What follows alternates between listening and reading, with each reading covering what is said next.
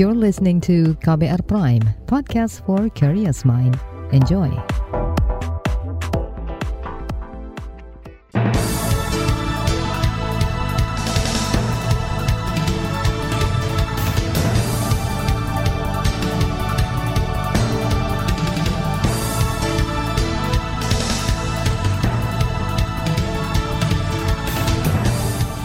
Selamat pagi saudara, senang sekali kami bisa menjumpai Anda kembali melalui program Buletin Pagi edisi Senin 18 April 2022 bersama saya Malika. Sejumlah informasi pilihan telah kami siapkan di antaranya minyak goreng curah masih mahal, pemerintah didesak tindak tegas distributor nakal. Kemenhub akan cek acak status vaksinasi di masa mudik lebaran. Puluhan rumah di Aceh Tenggara rusak diterjang banjir bandang. Inilah Buletin Pagi selengkapnya terbaru di Buletin Pagi. Ikatan Pedagang Pasar Indonesia IKAPI mendesak Kementerian Perindustrian dan Satgas Pangan Polri segera menindak dan memproses hukum pelaku penyelewengan minyak goreng curah bersubsidi. Sekretaris Jenderal IKAPI Renaldi Sarijowan mengatakan langkah itu perlu dilakukan untuk menstabilkan harga migor curah bersubsidi di pasaran. Nah ini kami lihat artis ini bahwa kalau ini sudah ada pelakunya dan sudah ada yang diduga ini mempermainkan harga, nggak usah lama-lama lagi. Kami hanya meminta agar persoalan ini segera selesai agar kemudian minyak goreng ini dapat dinikmati oleh masyarakat luas dengan harga yang terjangkau. Minyak goreng curah ini yang sampai hari ini rata-rata nasional itu harganya di angka 19 sampai 20 ribu. Itu masih jauh di atas harapan pemerintah yaitu 14 ribu per satu liter. Sekjen Ikatan Pedagang Pasar Indonesia, Renaldi Saryawan mengatakan saat ini harga minyak goreng curah bersubsidi masih jauh di atas harga eceran tertinggi yang ditetapkan pemerintah. Senada anggota komisi yang membidangi industri di DPR, Amin, akan meminta pemerintah dan aparat memberikan hukuman tegas bagi pelaku penyelewengan minyak goreng curah bersubsidi. Hal ini penting untuk memberi efek jerah. Dan tidak eh, apa namanya yang lain itu berpikir sekian kali kalau melakukan pelanggaran seperti ini. Tapi kalau penegak hukumnya nggak nggak nggak jelas, nggak diinformasikan juga ke publik, nah, tentu nanti orang-orang yang melakukan seperti ini bisa main petak umpet lah, ya kan? Kira-kira begitu. Jadi tetap akhirnya di lapangan ya seperti ini terus minyak goreng curah tetap langka dan harganya tetap mahal. Meski begitu, Amin menyebut pengawasan dan penindakan tegas oknum nakal dalam distribusi minyak goreng curah saat ini adalah tindakan jangka pendek untuk permasalahan minyak goreng. Dalam jangka panjang dan menengah, pemerintah harus memperbaiki secara total tata kelola industri minyak goreng dari hulu ke hilir. Dengan begitu, masyarakat menengah ke bawah bisa dengan mudah mendapat minyak goreng curah bersubsidi dengan harga yang sesuai harga eceran tertinggi. Hal yang sama juga disuarakan pengamat ekonomi dari Indef Rusli Abdullah. Selain tindakan tegas pada distributor curang, Rusli meminta pemerintah dan Polri memastikan distribusi minyak curah bersubsidi berjalan baik agar stok tersedia sesuai HET. Untuk memastikan agar orang-orang yang ya tadi oknum-oknum yang bermain itu bisa ditindak secara hukum.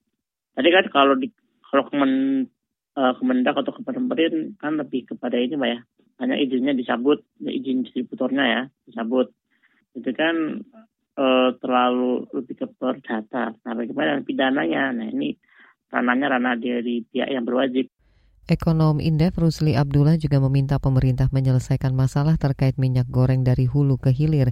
Indef menilai kebijakan bantuan langsung tunai BLT minyak goreng untuk tiga bulan tidak efektif dilakukan di jangka panjang karena BLT tak bisa menurunkan harga minyak goreng di pasaran.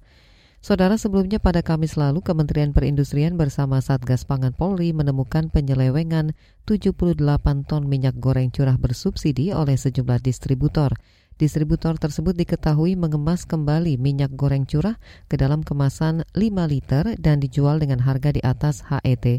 Menteri Perindustrian Agus Gumiwang Kartasasmita mengatakan perlunya peningkatan pengawasan dan pemberian sanksi tegas bagi pelanggar penyaluran minyak goreng curah bersubsidi pengawasan lapangan lebih ketat ya uh, karena bisa saja masalahnya bukan yang disuplai ya kalau suplai sudah keluar kemudian ke mana larinya uh, minyak goreng ini?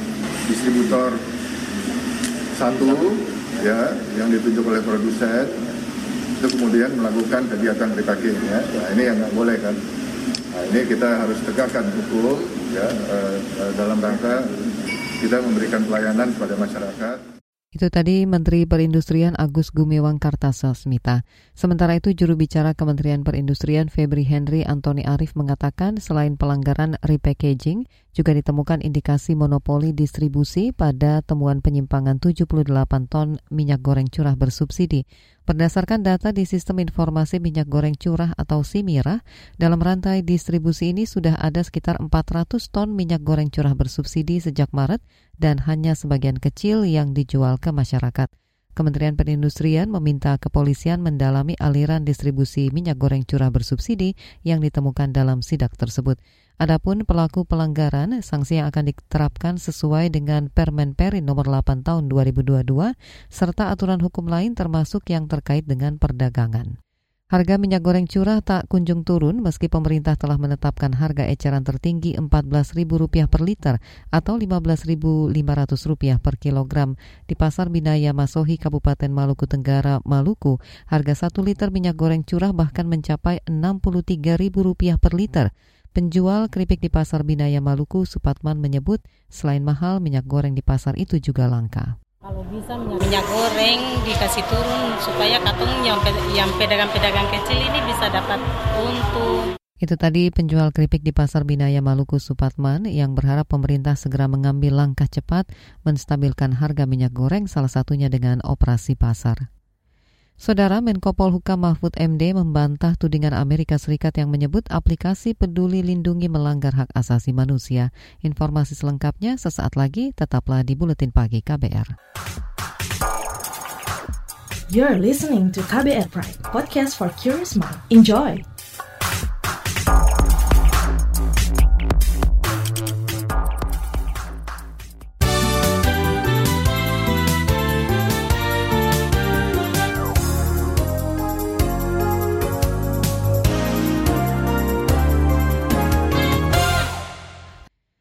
Kementerian Perhubungan bakal melakukan cek acak status vaksinasi pengguna kendaraan saat arus mudik lebaran 2022 mendatang.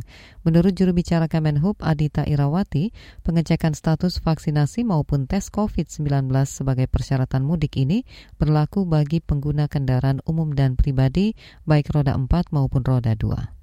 Jadi sekali lagi jangan menunggu dicek, jangan menunggu untuk diawasi, tapi tolong lakukanlah sebagai bagian dari kesadaran pribadi dan perlindungan diri. Dan nantinya uh, kita tentu akan uh, apa memberikan layanan vaksinasi maupun tes antigen itu bagi masyarakat yang memang ternyata belum melakukan vaksinasi. Jadi kami menyediakan layanan tersebut baik itu di terminal maupun di posko-posko. Itu tadi juru bicara Kemenhub Adita Irawati. Dia juga mengungkapkan kementeriannya akan menyediakan vaksinasi dan tes COVID-19 di titik-titik tertentu agar syarat perjalanan pemudik bisa terpenuhi. Kita ke soal lain, pakar hukum tata negara Herlambang Wir Wiratraman meminta pemerintah untuk tanggap menyikapi sorotan publik terhadap dugaan pelanggaran etik yang dilakukan Wakil Ketua KPK Lili Pintauli Siregar, baik dari dalam maupun luar negeri. Menurutnya kasus etik yang melibatkan pimpinan KPK itu seharusnya menjadi pembelajaran sehingga ada sanksi tegas terhadap Lili. Uh, kalau kita uh, refleksikan dengan uh, kondisi senyatanya ya, ini kan kasus uh, etik ini kan bukan pertama kalinya dan sekian kalinya kan. Dan respon uh, dari internal KPK maupun uh, pemerintah itu merasa tidak ada masalah gitu. Padahal publik sudah menyuarakan berkali-kali soal ini dan uh, betapa mudahnya pihak luar pun juga bisa membaca itu Saudara dosen Fakultas Hukum Universitas Gajah Mada ini mengatakan kasus dugaan pelanggaran etik yang melibatkan elit KPK harus diselesaikan secara tuntas untuk mengembalikan kepercayaan publik pada lembaga anti rasuah tersebut. Sebelumnya, Kementerian Luar Negeri Amerika mengeluarkan laporan dan menyoroti sanksi ringan kepada Wakil Ketua KPK Lili Pintauli dalam sejumlah kasus dugaan pelanggaran etik. Sementara itu juru bicara KPK Ali Fikri mengklaim Wakil Ketua KPK Lili Pintauli Siregar telah melaksanakan sanksi dari Dewan Pengawas KPK atas pelanggaran kode etik yang ia lakukan. Masih terkait laporan Kemenlu Amerika Serikat, pemerintah Indonesia melalui Menteri Koordinator Bidang Politik Hukum dan Keamanan Mahfud MD membantah tudingan Amerika Serikat terkait potensi pelanggaran HAM di penggunaan aplikasi Peduli Lindungi milik Kementerian Kesehatan. Dia memastikan pemerintah Indonesia tidak akan terpengaruh dengan tudingan itu. Soal pelanggaran HAM, itu kan catatan Amerika berdasar laporan-laporan yang tidak disebut sumbernya. Tetapi itu tidak ada konsekuensi apa-apa karena itu hanya oleh SPMH itu tadi hanya ditempelkan aja di website. Ini loh Indonesia di aplikasi menjawab enggak Amerika nih dapat 78 India nih 61 dan sebagainya dan sebagainya. Jadi soal itu kita saling lihat aja lah. Yang penting semuanya bekerja menurut garis masing-masing negara untuk menyelamatkan rakyatnya Menko Polhukam Mahfud MD menjelaskan aplikasi Peduli Lindungi merupakan upaya Indonesia menekan penyebaran virus corona.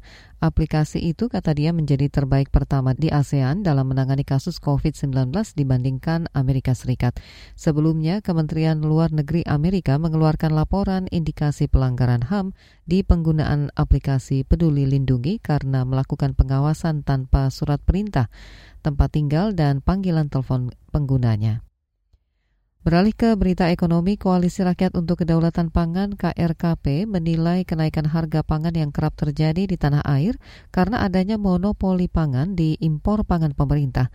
Koordinator Nasional KRKP Said Abdullah meminta pemerintah memastikan pengakuan dan perlindungan terhadap petani dalam negeri proses produksi harus dilakukan dengan cara yang baik. Pertama, mengedepankan pengakuan dan perlindungan ya terhadap produsennya siapa ya petani tentu saja yang ada di Indonesia kan. Dengan cara apa? Tadi contoh misalnya kalau memang impor itu me, eh, kalau satu komoditas bisa digenjot produksinya dengan sains eh, hitungan data dan lengkap gitu ya. Ya paralel gitu. Jadi dilakukan peningkatan produksi secara bertahap pada sisi yang lain laju impornya dikurangi.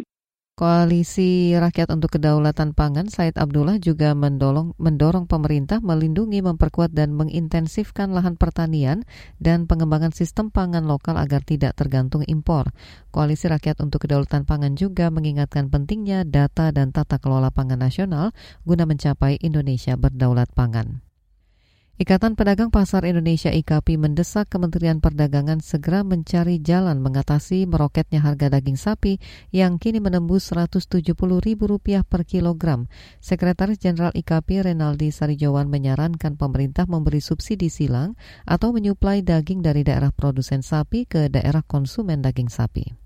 Jadi tentu ketersediaan yang cukup dan kalau bisa menggenjot sentra-sentra produksi daging, sentra-sentra ternak sapi kita yang ada di NTB katakanlah Sumatera Barat, terus digenjot semaksimal mungkin agar membantu kebutuhan dalam negeri kita. Kalau NTB surplus dagingnya disubsidi silang ke Jabodetabek. Oh. oh. Jabodetabek ini tinggi konsumsi bahan pokok kita, oh. maka itu yang harus dikejar. Sekjen IKP Renaldi khawatir jika harga daging kian tidak terkendali dan stok menipis menjelang lebaran. Sebelumnya Menteri Perdagangan M. Lutfi menyatakan pemerintah tengah mengkaji mendatangkan sapi impor dari negara selain Australia. Kita ke berita mancanegara. Junta Myanmar membebaskan lebih dari 1.600 tahanan termasuk 40-an warga asing di seluruh negara. Kemarin, pembebasan itu dilakukan junta untuk merayakan Tahun Baru Buddha atau Tingyan bahasa setempat, acara Tingyam dimulai sejak Rabu hingga Sabtu pekan lalu. Dilansir dari AFP, lebih dari 100 orang berkumpul di luar penjara Insein Yangon menunggu kerabat mereka. Beberapa tahanan dijatuhi hukuman penjara mulai dari hasutan militer hingga aktivitas politik. Sementara di Yangon warga menolak merayakan Tingyan sebagai protes atas kudeta junta. Kita ke informasi olahraga pelatih timnas Indonesia Shin Tae-yong memberikan sanksi dengan mencoret nama Ramai Rumakik dari daftar skuad timnas U23 yang akan bertarung di SEA Games 2022. Belum ada konfirmasi dari pemain Persipura itu terkait pencoretan namanya oleh Shin Tae-yong. Dikutip dari situs resmi PSSI, pelatih asal Korea Selatan itu juga menyebut kemungkinan beberapa pemain Indonesia yang tengah bermain di klub asing dipanggil bergabung di Timnas U23. Timnas Indonesia mengusung misi meraih medali emas di SEA Games 2021 yang berlangsung di Hanoi, Vietnam pada 12 hingga 23 Mei mendatang. Di SEA Games 2019, Timnas Indonesia hanya meraih perak setelah kalah dari Vietnam di partai final. Di bagian berikutnya, seorang guru di Surabaya, Jawa Timur, Abing Santoso, mengenalkan berbagai macam tarian daerah dengan cara kekinian. Kisahnya kami hadirkan sesaat lagi dalam laporan khas KBR. Tetaplah di Buletin Pagi KBR. You're listening to KBR Pride, podcast for curious mind. Enjoy!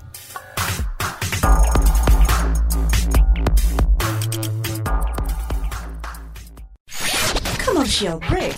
Commercial break.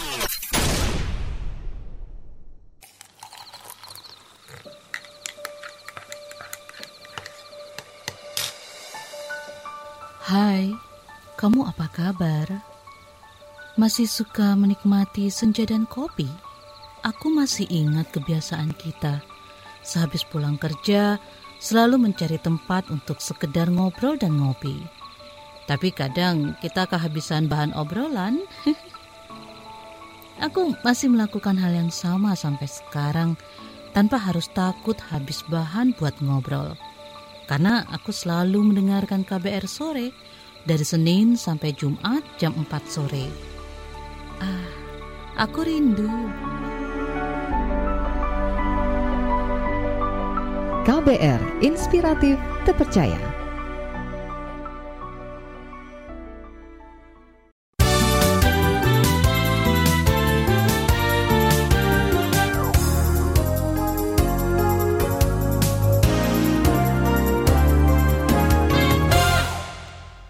Anda masih bersama kami di Buletin Pagi KBR. Saudara Indonesia resmi mengajukan kesenian reok sebagai warisan budaya tak benda ke UNESCO pada 25 Maret lalu. Ini jadi salah satu upaya mendapatkan pengakuan internasional, apalagi reok pernah coba diklaim negara tetangga. Namun upaya semacam itu perlu juga diimbangi dengan pelestarian budaya di negeri sendiri. Nah, di Surabaya, Jawa Timur ada seorang guru yang punya cara unik mempopulerkan seni tari tradisional. Seperti apa? Simak laporan khas KBR disusun oleh Valda Kustarini.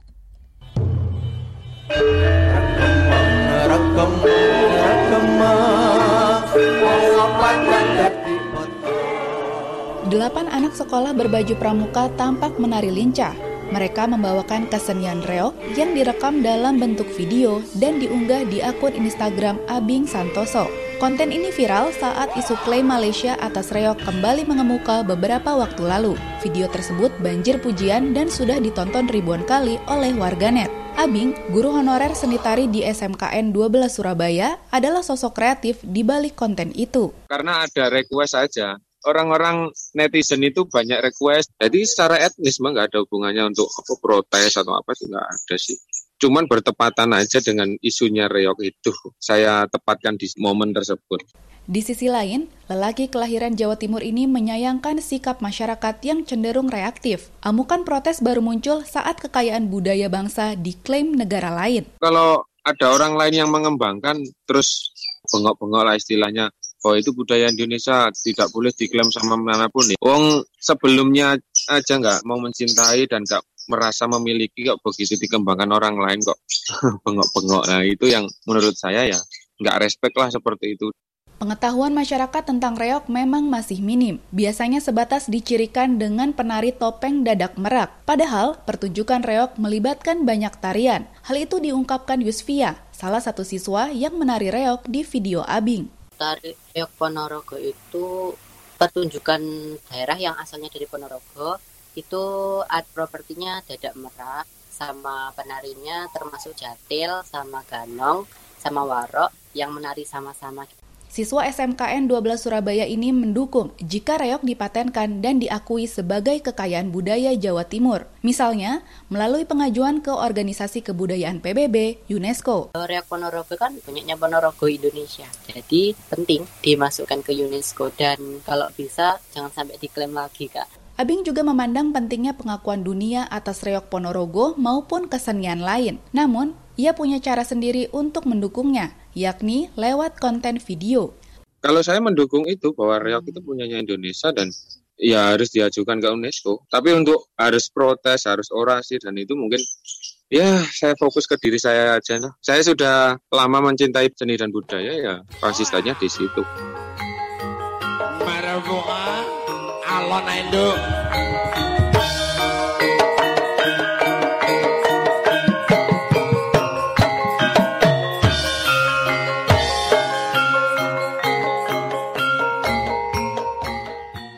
Sejak Februari 2022, Abing aktif membagikan video menarinya di media sosial termasuk YouTube. Sudah 20-an konten yang diunggah berisi video ia menari bersama murid-muridnya di sekolah. Itu juga bagian dari metode belajar menyenangkan yang diterapkan Abing.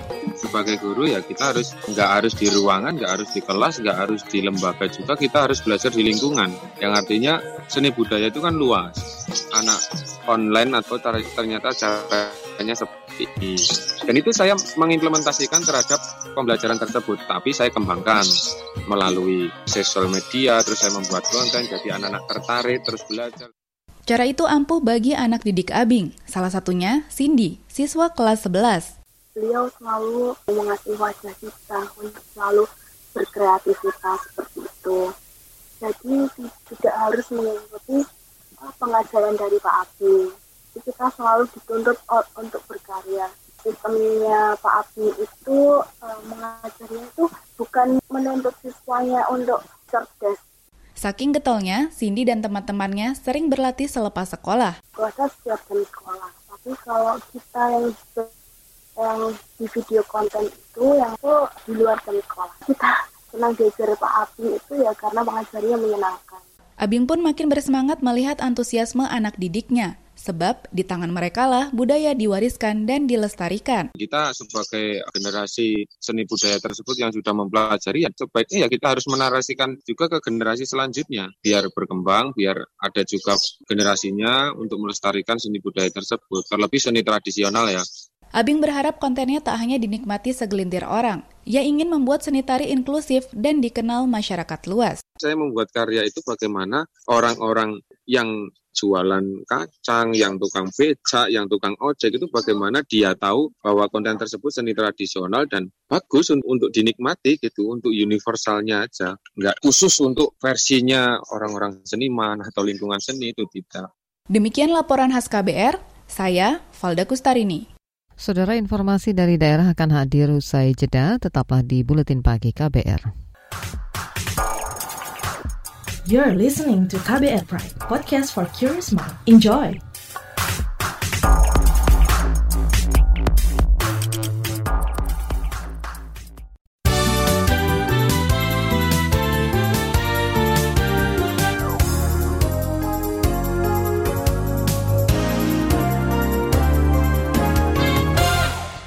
Inilah bagian akhir buletin pagi KBR. Kita ke Aceh, sekitar 90-an rumah warga rusak diterjang banjir bandang di Kabupaten Aceh Tenggara.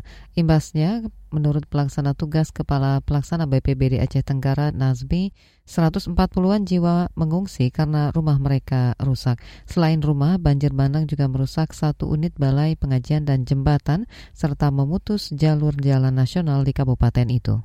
Ya, saat ini kami masih bekerja di lapangan untuk membersihkan puing-puing kayu dan batu yang ada di jalan. Jadi uh, rencana kita pada hari ini akan uh, membuat jembatan sementara agar jalan nasional itu dapat dilalui lagi dengan oleh masyarakat. Kepala Pelaksana BPBD Aceh Tenggara Nazmi melanjutkan tidak ada korban jiwa akibat banjir bandang ini. BPBD telah mengerahkan alat berat ke lokasi guna menanggulangi dampak banjir. Masih terkait bencana, Badan Penanggulangan Bencana Daerah BPBD Kabupaten Cilacap, Jawa Tengah mempertimbangkan pembangunan hunian baik sementara dan tetap untuk korban longsor di Desa Kutabima, Kecamatan Cimanggu. Menurut Kepala Seksi Kedaruratan dan Logistik BPBD Cilacap, Gatot Arif Widodo, dari 72 keluarga terdampak longsor, setidaknya 5 rumah tertimbun longsor. Selain itu, 7 rumah rusak berat hingga sedang. Rumah rusak berat, rumah yang uh, rusak sedang ini kan belum ada apa upaya untuk pembersihan anu bangunan. Belum semuanya selesai semua. Lah ini kan menjadi masalah ketika nanti oh ya saya harus kembali saya harus kembali ke mana lah ini kan khusus yang lima rumah ini kan harus kita perhatikan apakah mereka akan diberikan hunian sementara atau tetap ya arahnya ke sana lah.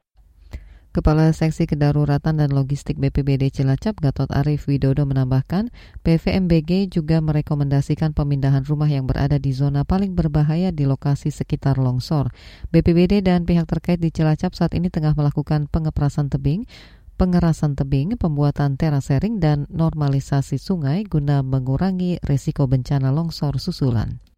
Informasi tadi menutup jumpa kita di Buletin Pagi hari ini. Pantau juga informasi terbaru melalui kabar baru, situs kbr.id, Twitter kami di akun @beritaKBR, serta podcast di alamat kbrprime.id.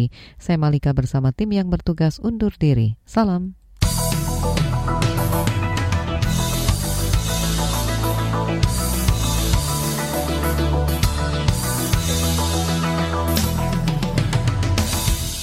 KBR Prime, cara asik mendengar berita. KBR Prime, podcast for curious mind.